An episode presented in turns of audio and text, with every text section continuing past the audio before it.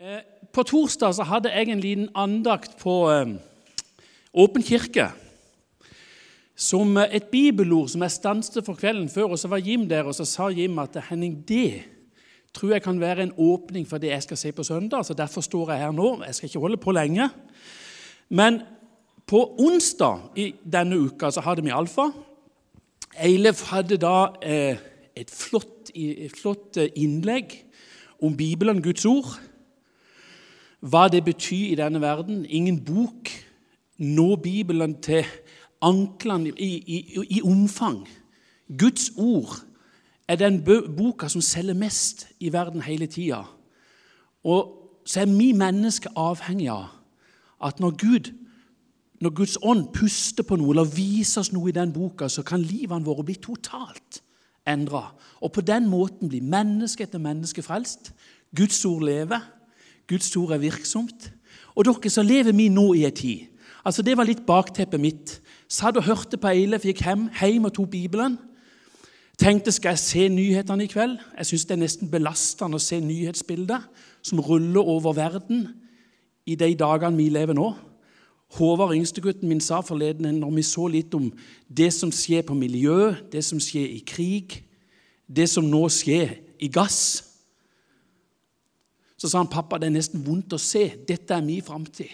Og inn i det bildet dere, så kommer av og til Gud. Og Gud kom til meg på onsdagskvelden, og så bare satte jeg meg ned med Bibelen. Og så var det plutselig to vers i Bibelen som jeg kjente Oi, nå lever de. Dette er noe for meg akkurat nå. Dere I Efeserbrevet 4, vers 6 og 7, så står det noe utrolig til oss inn i denne situasjonen og inn i livet.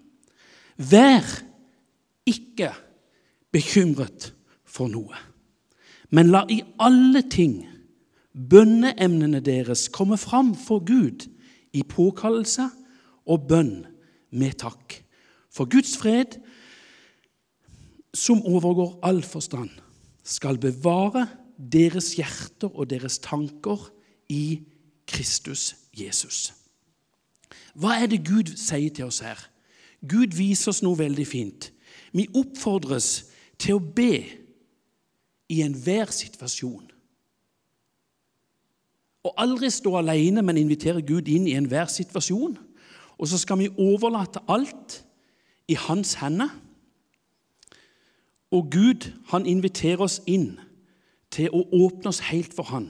Så sier han at rammen rundt dette det er at Guds fred den skal bevare våre hjerter og at vi skal bevare roen i å betrakte Jesus og det han har gjort for oss. Så satte jeg meg ned og så, så jeg på det lille uttrykket 'bevare', som her er brukt. Det ordet på gresk, vet du hva det egentlig betyr? Det betyr vokte. Det betyr holde vakt over. Det er et militært uttrykk. Og da skjønner jeg at Gud ønsker at vi skal, vi skal forstå at vi lever nærmest i en sånn krigs situasjon som menneske.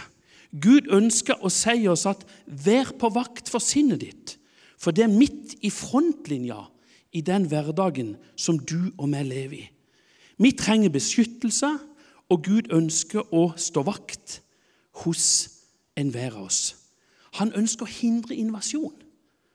Nå har vi levd i krigsuttrykk i, i, i månedsvis.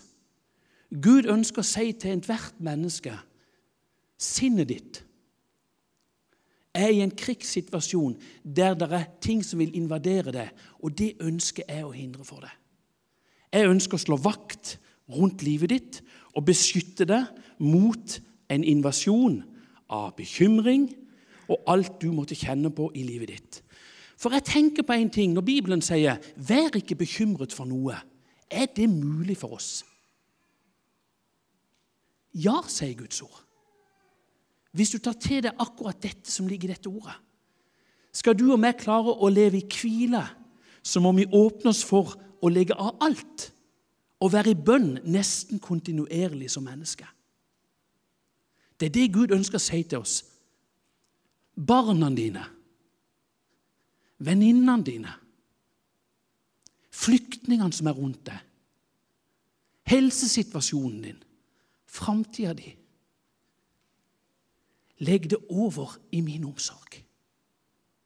Det skal ikke du bære på i ditt unge liv eller i ditt godt voksne liv. Legg det inn og fram for meg, så jeg kan ta meg av situasjonen. Gud ønsker å si før du går og kjenner på pulsen, så legg det av med en gang. Før vi roper, så svarer han, sier Guds ord. Det er som om Gud sier, 'Får jeg lov til å slå vern rundt ditt liv?' Får jeg lov til å gi deg hvile i livet ditt akkurat der du er nå. Og så skjer det noe veldig fint, dere. Jeg vil si det til slutt.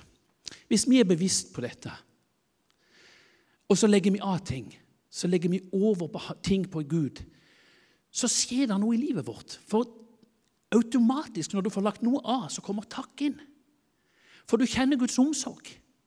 Og når du, når du lever kristenlivet ditt der, der du kjenner at åh, nå kan jeg legge dette av, så kommer takken inn, og så fyller takken livet vårt, sånn at bekymringene må vike plass. Og hva er det da som skjer?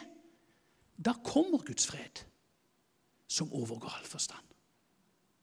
Det Jesus har gjort, det han har gjort i livet vårt, da blir blikket vårt, sinnet vårt og framtida vår vendt mot Han, som kan gi hvile i livet vårt til hver tid.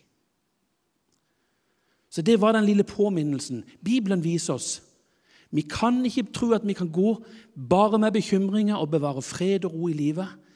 Vi er under stadig angrep, og så kan vi legge det av hos Han, som sier at vi kan leve et liv i fred. Takk, Herre, for ordet ditt til oss.